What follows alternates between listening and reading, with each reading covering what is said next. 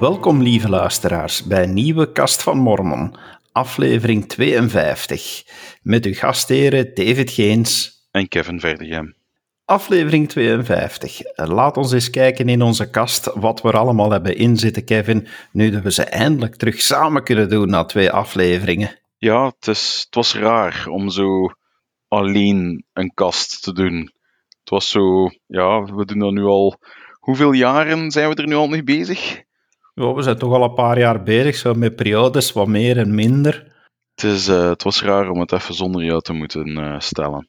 Ja, en omgekeerd, uh, de keer verdien ik zonder jou. Dus, maar we hebben het overleefd en, en we zijn weer samen. Niet fysiek samen. We, nee. we gebruiken technologie om ieder in ons eigen huisje, coronaproof, dit toch te kunnen opnemen.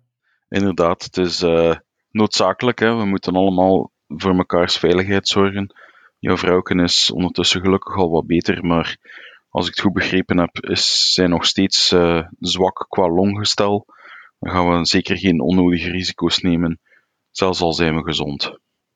Ja, inderdaad, en uh, we moeten de regels respecteren. Hè, van, ik vind dat er uh, dat misschien een lockdown ja, ik, ik kan niet oordelen of het op dit moment nodig is, maar ik stel me de vraag ook niet. Ik, uh, ik vind gewoonweg dat, dat we daar de regels in te volgen hebben en dat we moeten denken van dat het niet alleen voor onszelf is, maar voor zoveel anderen die we de plicht hebben om te beschermen. Dus het kost me eigenlijk weinig morele overweging om ja, die lockdown te volgen. Waarmee ik niet wil zeggen dat ik het er altijd even makkelijk mee heb. Hè? Nee, maar tegelijkertijd denk ik dan ook van. We zitten ondertussen met een steeds seculierder wordend Vlaanderen. Wat wij opnieuw gezien hebben voor de koopzondag, die vlak voor de lockdown plaatsvond, hoe dat mensen snel toch nog even naar de kapper, snel nog even naar daar, hoe er kolossale kolossale wachtrijen, hoe de luchthavens bij het vertrek voor de herfstvakantie helemaal vol zaten. Daar merk je toch dat er heel veel mensen zijn die zoiets hebben van goh, ik ben gezond, als ik het krijg, ik overleef dat wel. Um, het is mijn keuze. Ja, ja, inderdaad. Terwijl ik langs de andere kant ik moet zeggen van, ik heb me al afgevraagd van wat kan ik meer doen? Uh, dat, dat, is een vraag die me, die me wel bezighoudt in die zin van, kan ik mensen iets meer contacteren of eens een belletje geven? Uh, en ik probeer te beginnen bij de mensen, zelfs al gewoon in mijn buurt, hè, mijn, mijn eigen familie, mijn vrienden, alles vaker checken, alles oké. Okay. Uh, ja, vind, vind dat toch wel belangrijk om, om dat gaande te houden. Maar zelfs tot in die mate dat het al eens door mijn hoofd geflitst is van... Uh, wat, zou, zou ik iets kunnen betekenen door effectief ergens te gaan helpen? Moest ik niet gehandicapt zijn en mijn twee handen vlot kunnen gebruiken, dan denk ik dat ik effectief zou kijken van, kan ik in een ziekenhuis of in een rusthuis onder veilige omstandigheden gaan helpen met, uh, met eten geven of zo? Ja, ik, ik vind, Ze zoeken ik vind mensen, het bijna een morele plicht. Ze zoeken mensen, hè. Um, op dit moment um, zijn ze aan het kijken van goed, kijk, wie kan, wie kan extra handen toesteken. Zelf heb ik daar wat schrik van, in de zin van, ik zit thuis ook met um, mijn oudste dochter die met hoge bloeddruk zit, en daardoor ook in de risicogroep zit voor, um, ja, voor corona. En ik heb een heilige schrik om dat mee naar huis te brengen. Het laatste dat ik wil is een van mijn kinderen daardoor verliezen. Ik heb mateloos respect voor de mensen die in de zorg staan en die dag in dag uit die risico's nemen dat verschil natuurlijk wel dat die mensen veel meer training hebben dan ik om, ja, en ook de, hoe moet ik dat zeggen, te gebruiken hebben naar hygiëne en voorzichtigheid en kledij. Veel meer dan ik zijn zij daar dan in getraind en hebben op dat vlak dan misschien in dezelfde omstandigheden een lager risico dan ik zelf. Dus ja, ik zit er met een, met een tweestrijd. Mhm. Ja, kan ik heel goed begrijpen. Het respect voor die mensen is bij mij ook immens groot. Uh, je, je kan enerzijds zeggen van oké, ze doen hun werk, uh, daar zijn ze voor opgeleid en er zijn zoveel mensen die hun werk doen zonder applaus te krijgen, maar het is toch een uitdaging om inderdaad, zoals je zegt, eigenlijk die mensen moeten ook de angst overwinnen om uh, hun leven ergens te gaan wagen om zo dicht in contact te komen met dit virus. Dus ik heb een enorm respect en ik zal ook regelmatig in mijn gebeden aan hen denken en vragen om, om een extra bescherming en een extra kracht te geven. En ja, ze, zitten, ze zitten niet ver uit mijn gedachten, die mensen van, van de zorg. Ja, als je hoort dat er mensen zijn die al twintig dagen na elkaar shiften van 12 uur aan het draaien zijn, dan heb je echt wel zoiets van: wow, ik weet niet of dat ik dan in hun plaats wel zou aankunnen. Ja, het is in die zin wat dat mij de laatste tijd ook bezighoudt. Uh, ja, misschien een beetje gek om nu van, van het een naar het ander springen, hoewel het er allemaal mee te maken heeft, is natuurlijk ja, de, de pestilenties die ook in het Boek van Mormon regelmatig worden genoemd, uh, die ook als typisch kenmerk van de laatste dagen worden genoemd. Ja, daar, daar moet je niet aan twijfelen dat, dat dit echt daar een voorbeeld van is. Hè? Van, moesten we niet de wetenschap hebben die we nu hebben, dan zou dit tekeer gaan zoals de pest in, in de middeleeuwen ook heeft rondgewaard in onze kontrijen, denk ik. Hè? Het is een feit, kennis over het, de noodzaak van handen wassen, zeepgebruik, um, uw mond bedekken om iets dat luchtoverdraagbaar is te gaan tegenhouden. Het is allemaal kennis die wij ja, voor aangenomen nemen, maar dat is lang niet zo geweest. Hè? Mensen wisten niet wat bacteriën waren, laat staan virussen. Mensen wisten niet dat uw handen wassen noodzakelijk was. Heel veel mensen, ja, er zijn heel veel mensen volgens mij aan infecties ook gestorven.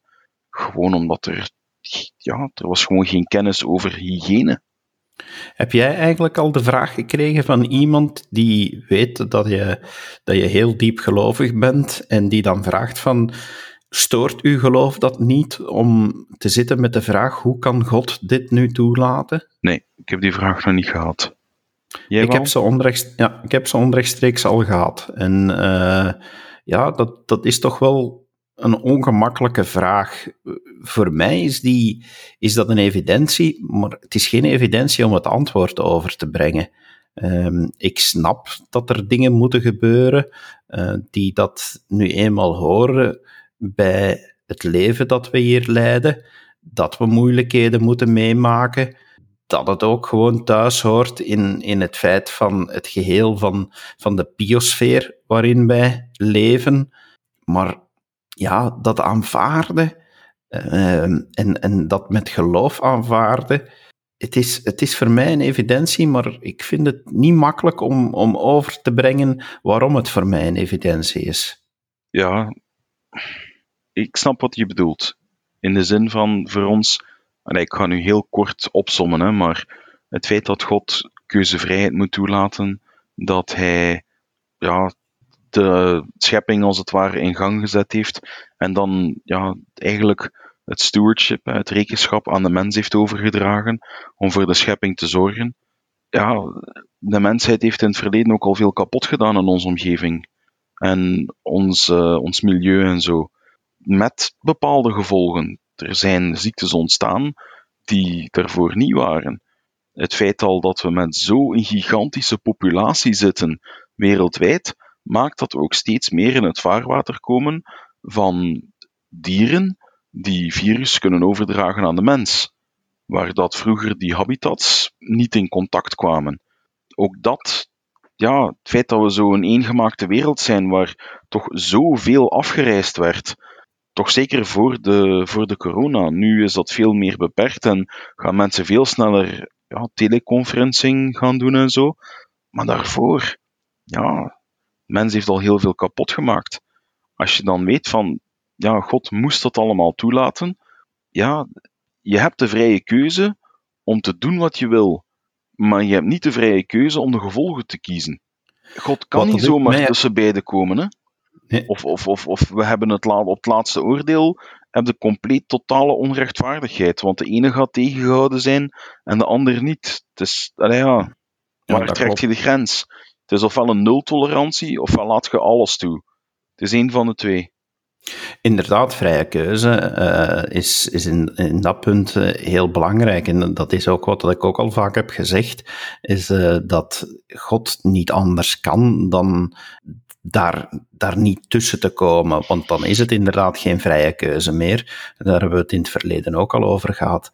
Wat dat ik mij ook gerealiseerd heb, en ja, misschien weer zo'n rare kronkel in mijn hoofd, eh, er zitten er zoveel, en er zijn er een paar al kapot gegaan, maar uh, is dat dit toch eigenlijk de mensen is zou moeten doen nadenken. Dit is erg. Wat we nu meemaken is gewoon erg. En erg is zelfs nog niet straf genoeg om het te beschrijven. Maar langs de andere kant moet je beseffen dat dit nog maar een deeltje is van hoe erg de hel is. En nu gebruik ik het woord hel algemeen als christelijke beschrijving. Ik weet dat wij als uh, heilige der laatste dagen daar meer details over hebben door openbaring. Uh, en ik wil hier nu geen theologische discussie gaan starten, maar uh, laat ons er nu maar van uitgaan dat er, dat, dat simpelweg gezegd, dat er mensen zullen zijn die ja, in een plaats zullen terechtkomen na het laatste oordeel, of zelfs in afwachting van het laatste oordeel, die niet leuk is om te zijn. Als dit dan inderdaad nog maar een deeltje is van hoe erg die hel is, zou het u dan eens niet moeten aan het denken zetten van, jongens, zou ik eens niet de maatregelen in mijn leven moeten nemen om die hel te gaan vermijden? het ding is ook dat heel veel mensen, ja, ik heb onlangs Inferno gelezen van Dan Brown, um, uitgelezen, en daarin omschrijft hij ook van, ja, dat ons concept van de hel eigenlijk hetgeen is wat Dante in een tijd geschreven heeft en omschreven heeft met de verschillende lagen. En, eh, ik denk dat de hel veel eer zoiets is van een volledig bewustzijn van alles wat je verkeerd gedaan hebt. En dat ten opzichte van een, van een hemelse vader die het beste met u voor had, en dat je toch ervoor gekozen hebt om, ondanks het kolossale offer van Christus, om dat naast u neer te leggen. En als je daar een vol besef van hebt, ja, dan krijg je wat Alma overkomen is, Alma de jongere, die samen met de zoon Salmosia erop uittrok om ja, de, kerk tegen te gaan. En dat de Heer dan ook een engel stuurde na het vele bidden van zijn vader, um, waarin dat hij ook omschreef van ja, ik, ik werd verpletterd door het besef van wat ik allemaal fout gedaan had, wat de gevolgen zijn die ja, soort van totale kennis die over hem kwam van dat besef en wetend wat daar tegenover staat, die oneindige verzoening. Dat zijn twee tegengestelde punten. Aan de ene kant heb je de verzoening van Christus in zijn volle oneindigheid die tot barmhartigheid leidt. En aan de andere kant heb je iemand die zegt van nee, voor mij hoeft dat niet. En dan eigenlijk daarmee toch wel de wil van Satan doet. Wat niet wil zeggen dat iemand een slecht persoon is. We lezen in de schriften regelmatig, eh, we lezen in de schriften regelmatig, hoe moet ik het gaan zeggen? Satans ultieme doel is dat wij het ultieme doel van de Heer niet kunnen bereiken. En dat ultieme doel is om ooit met een, uh, een partner een eeuwig huwelijk te kunnen aangaan en eeuwige nakomelingschap te hebben. En later te worden zoals onze hemelse vader en onze hemelse moeder als Satan ook maar iets kan doen om je daarvan te weerhouden, dan zal hij dat ook doen. Maar dat kan heel goed zijn, want hij is de vader van alle leugen. Hij vermengt waarheid en leugen om tot een geheel te komen dat ja, aannemelijk lijkt. Er zijn heel veel goede mensen in de wereld die toch, ja, moet ik zeggen, niet verleid worden door Satan, maar eerder weggeleid worden van het ware pad, van wat Hemelse Vader voor ons van plan heeft. Als Hij er u van kan weerhouden, door een hoop roddels over de zendelingen bijvoorbeeld, om die jongens op het moment dat ze voor uw deur staan, of meisjes, als ze voor uw deur staan, om die niet binnen te laten, dan heeft Hij zijn doel bereikt. Want dan heb je niet over het evangelie kunnen horen. Als Hij in u het kan maken dat je koppig bent, um, om, om vooruitgang te willen maken, als hij het in u kan bewerkstelligen om alcohol te gaan misbruiken en daardoor uw huwelijk te laten kapotgaan, dan heeft hij zijn doel bereid, uh, bereikt. Hij hoeft helemaal niet van u een tweede Hitler te maken om zijn doel te bereiken. Omdat het plan van onze Hemelse Vader het ultieme is. En alles wat daarvan afwijkt, is het tegenovergestelde. Ja, Maar dat brengt me dan eens bij een interessante vraag nu naar je uitleg, want je kan daar enorm gaan over discussiëren. Maar dan zou je kunnen afvragen, want er zijn nu veel mensen die dat omwille van de wetenschap niet meer in God geloven. Hun geloof is veranderd naar geloof in de wetenschap. En je hebt heel veel mensen die de strekking aanhangen van we hebben geen God meer nodig, de wetenschap geeft alle woorden. Vroeger had je God nodig om antwoorden te hebben en zinnen in je leven, terwijl je nu wetenschappelijk, wetenschappelijke zekerheid hebt over heel wat dingen en dus bij gevolg eh, dat men zeker is dat God niet bestaat. Dat is, dat is een feit. Ik poneer dat nu even als een feit, als een vaststelling. Maar de vraag is dan, is de vader van wetenschap, is dat dan Satan, die daarmee heel wat mensen misleidt op deze manier? Of is de vader van kennis en wetenschap God, die de bedoeling heeft om ons dingen te laten bijleren? Heel interessant uh. In het Engels zeggen ze juxtaposition, dingen die lijken tegenover elkaar te staan. Um, alles wat goed is, komt van God. En wetenschap is maar één kant van een medaille. In de zin van, wetenschap legt uit hoe, waar godsdienst voor mij eerder het waarom uitlegt. Dat heb je van mij gestolen. Nee, dat vond ik al veel langer nog voordat ik het van u gehoord heb. Dat was mijn mening al, al, al lang daarvoor, maar jij, jij oppert dat inderdaad ook al heel lang. Um, maar daar komt het eigenlijk wel op neer. Satan zet zich graag alsof dat hij dat muntstuk in twee zou kunnen snijden en dat je twee aparte munten hebt waar, dat, waar met maar één kant, een soort Mobius munt, hè, de Mobius strip, die maar één kant heeft. Um, alsof dat, ja, ze tegenover elkaar staan.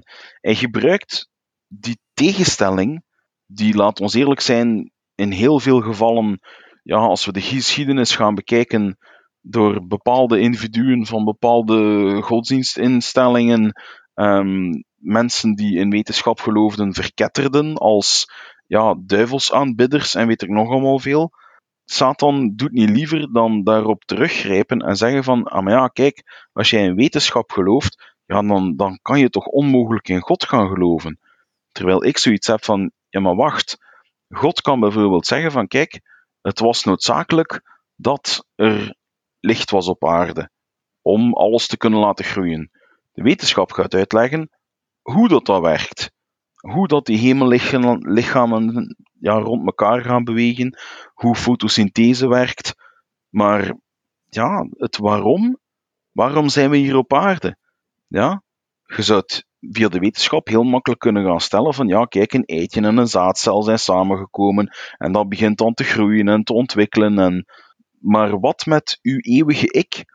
Energie, als dat niet is, eh, de, de wet van behoud van energie, de, de eerste wet van, van Newtons uh, wet van uh, thermodynamics, die stelt, als ik me niet vergis, dat um, energie niet kan vernietigd worden.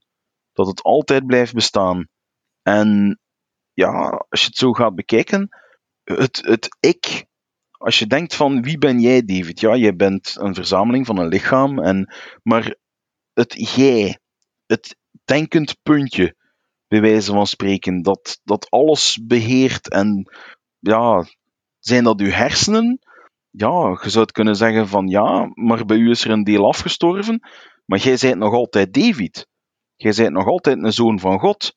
En je hebt een geesteslichaam in uw fysiek lichaam, maar uw denkend iets, de intelligentie die je zijt, is energie. Dat heeft al altijd bestaan en zal ook altijd blijven bestaan, of dat er nu bekleed is met een lichaam of niet. Ik ga zelf een antwoord formuleren op die rare vraag die ik daarnet stelde. Ik vind het eigenlijk dat, en ik heb het bewust gedaan, ik heb er dus de laatste week zitten over na te denken, dat die vraagstelling ik heb, ik heb ze op een zodanige manier gesteld dat ik natuurlijk het antwoord stuurde of, of de vraagstelling liet lijken als een keuze tussen, tussen Satan en God. Maar dat is uiteindelijk waar het om draait. Die wetenschap, voor mij maakt het nog niet zozeer uit van, van waar die komt, hoewel ik er zeker van ben dat uh, uiteindelijk we moeten zeggen van wij hebben heel veel van die wetenschap opgebouwd door ontdekkingen, door inspiratie, door onderzoek. Dat is ons mogelijk gemaakt omdat we een intelligentie hebben meegekregen. En die intelligentie, ja, die hebben we omdat God ons op de een of andere manier de mogelijkheid gegeven van hier op aarde te zijn. En, en ja, de, de intelligenties die hij tot zijn kinderen heeft gemaakt, dat wij die zijn. Ik ga daar nu ook even niet te diep op ingaan op onze theologie. Maar dus de mogelijkheden zijn er dankzij God. Maar die keuze, die, die ogenschijnlijke tegenstelde keuze, die ik daarnet in mijn vraagstelling ingesmokkeld had, dat draait weer om die vrije keuze. En of dat we dan die wetenschap beschouwen als iets wat ons weghaalt van God, dan wel net dichter bij God brengt, is net weer de definitie van wie wij kiezen te zijn.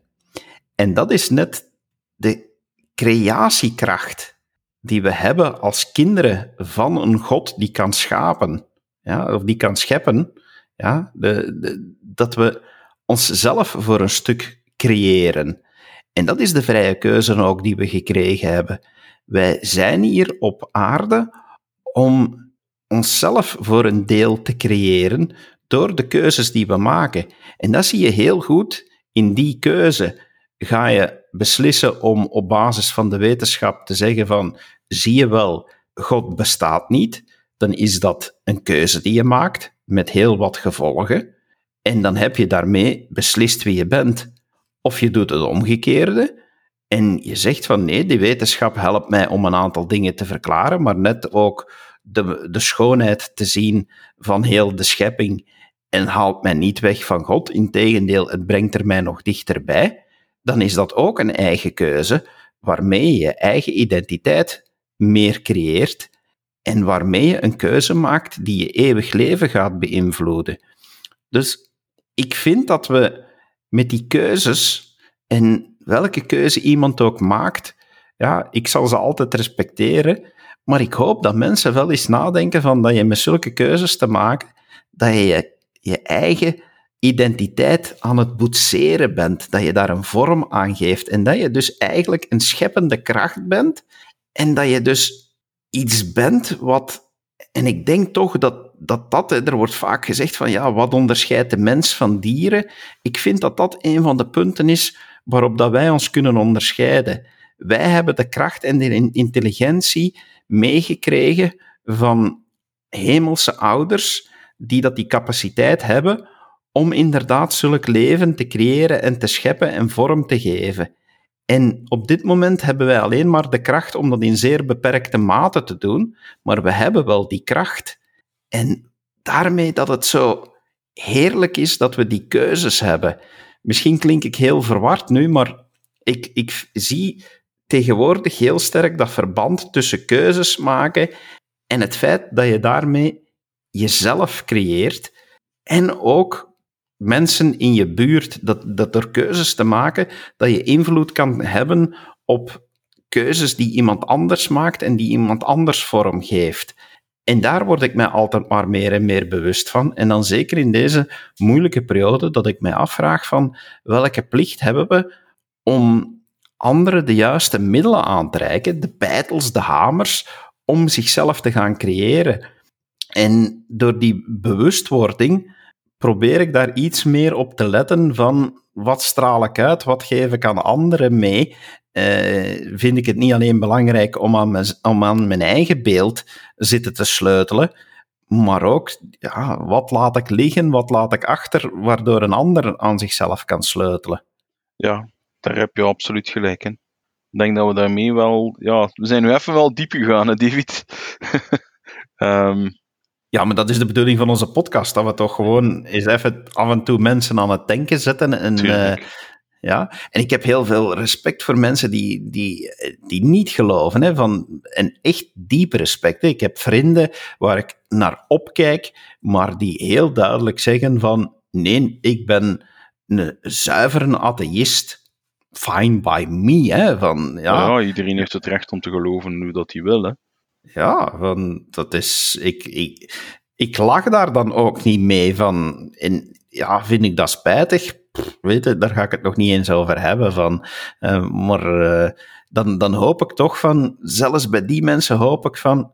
Uh, kan ik u een keer eens even vijf minuten aan het wankelen brengen, dat je er begint over na te denken, dan, dan vind ik het al, al fijn. Dan, dan, is een, dan is een podcast zoals deze al een keer eens fijn geweest als iemand zoiets zegt van, eh, zo had ik het nog niet bekeken. Ja, ja, ik heb ook al zoveel geleerd. Gewoon ook door in de kerk en met jou ook over dingen te gaan praten. De manier waarop ik de schepping bekeek, ja, dat is ook dat heb ik ook moeten bijdragen. Um, er is nu eenmaal van ja, godsdienst uit niet zo heel veel gekend over de schepping. We krijgen wel de grote lijnen van het scheppingsverhaal, maar er blijft het ook bij. Maar ja, je hebt nog altijd, ook binnen de kerk, heel veel mensen die echt denken van, ah ja, maar ja, kijk, hè, zeven, dat is, uh, de aarde dat is op 7000 jaar geschapen. Hè. Um, dat je zoiets hebt van, nee mannetjes, zo werkt het niet. Um, en toch krijg je daar dan mensen die zoiets hebben van, ja, maar ja, je moet die wetenschap niet allemaal, de wetenschap weet niet alles. En dan heb ik zoiets van, ja, oké, maar ja, de wetenschap weet niet alles, maar de wetenschap weet al heel veel ook. En je mocht dat niet zomaar naast je neerleggen. Um, het kan niet de bedoeling zijn dat we ons wetenschappelijk onderzoek laten kleuren door wat we denken ja, dat, dat volgens de godsdienst het antwoord zou moeten zijn. Um, en en, en omgekeerd. Wat dat daar belangrijk in is, is dat je wetenschappelijke principes niet zomaar kan toepassen op uh, filosofische vraagstukken en omgekeerd. En ik zeg dan bewust filosofische, omdat ik het breder trek dan alleen maar wat met religie en godsdienst te maken heeft. Uh, er zijn raakvlakken, en die, die raakvlakken zijn zeer interessant, maar ja, daar haal ik dan een filosofische wijsheid uit de Bijbel. Geef aan de keizer wat aan de keizer toebehoort en aan God wat dat aan God toebehoort. Um, dat is zo één uitspraak die door iedereen wordt gezien als zijnde de scheiding tussen het wereldlijke en het geestelijke.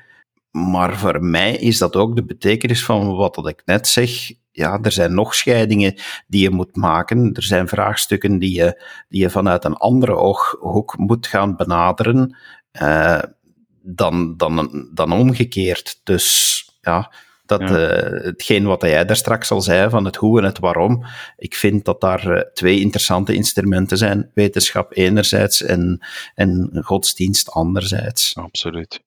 Willen we eens wat nieuwsfeitjes uit de kast halen? Ja. Ik heb er hier uh, eentje echt vers van de pers. Uh, ja, laat, dat is, dat is laat het ons weten, zeg het maar. Dat, dat Ja, het is heerlijk natuurlijk met mijn roeping dat ik, uh, dat ik bepaalde dingen gewoon zo uh, leuk, lekker leuk in mijn mailbox krijg. Uh, sommige dingen zijn dan ja, net nog maar een paar uur oud of een paar dagen oud. Maar vraagje, quizvraagje. Hoeveel namen zitten er momenteel in de database van Family Search?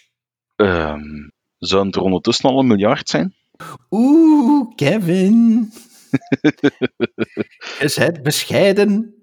Jij bent een bescheiden heilige der laatste dagen. Ja, um, ik vermoed enorm veel.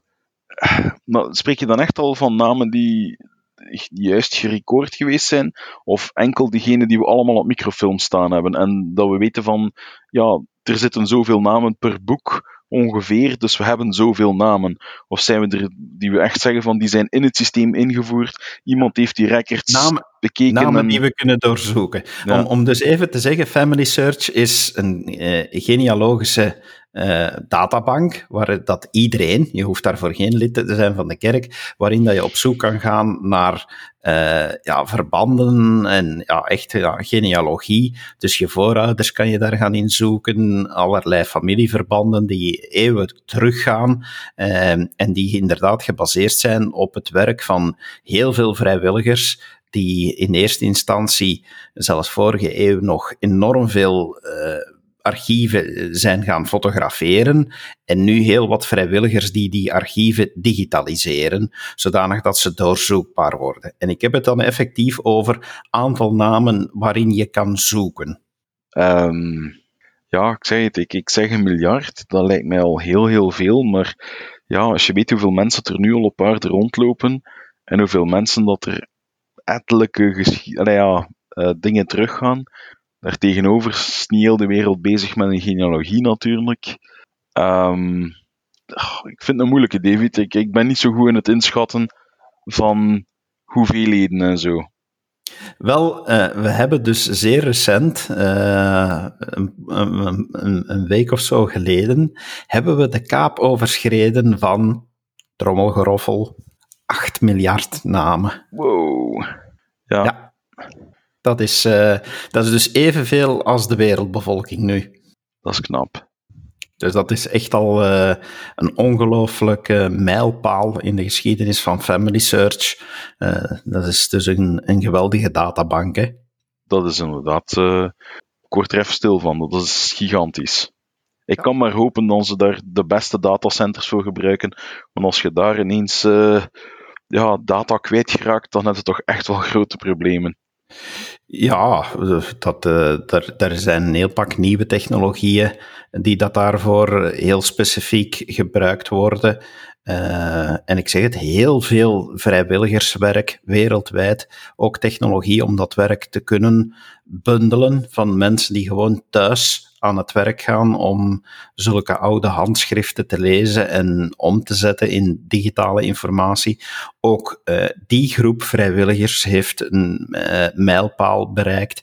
Dat is ongeveer een half miljoen nu wereldwijd. Een half miljoen ja. mensen die wereldwijd bezig is met zeer regelmatig gegevens te digitaliseren. Ik moet er dringend nog eens wat werk in steken. de laatste keer dat ik met mijn familiegeschiedenis bezig was, was ik eindelijk zo in de periode dat de Fransen hier in Vlaanderen de plak zwaaiden. En ja, dan kom je zo ineens in het Napoleonistisch tijdsstelsel en dan merk je ook van, hé, hey, wacht eens, die hun jaren komen niet schoon overeen met hoe dat wij dat tegenwoordig doen. Die maanden noemen ineens anders en dat is dan ja, het, de zoveelste maand van, van dat jaar en dan moet je op andere websites gaan kijken en ja, je zit dan al in het Frans bezig naar hanenpoten geschrift te kijken. En ik had iets van, man lief, vind hier maar eens alles in terug. Um, ja, maatloos respect voor mensen die zo tot in de jaren stilletjes geraakt zijn. Um, maar amai, het is, uh, het is geen kattenpis. We zijn dan toch met cijfertjes bezig, dus ik ga naar een tweede cijf cijfernieuwtje. Twee jaar geleden werd aangekondigd dat de Lofzangenboek uh, of het lofzangerboek, ja, dat is, dat is, beter. Let op je taal, meneer Geens. Het lofzangerboek uh, van onze kerk, dat dat eens een verfrissing ging krijgen. En een stevige verfrissing, niet enkel uiterlijk, maar dat men echt ging kijken welke lofzangen horen nu nog thuis in een handboek. Uh, onder andere nationalistische volkszangen en zo zouden eruit verdwijnen.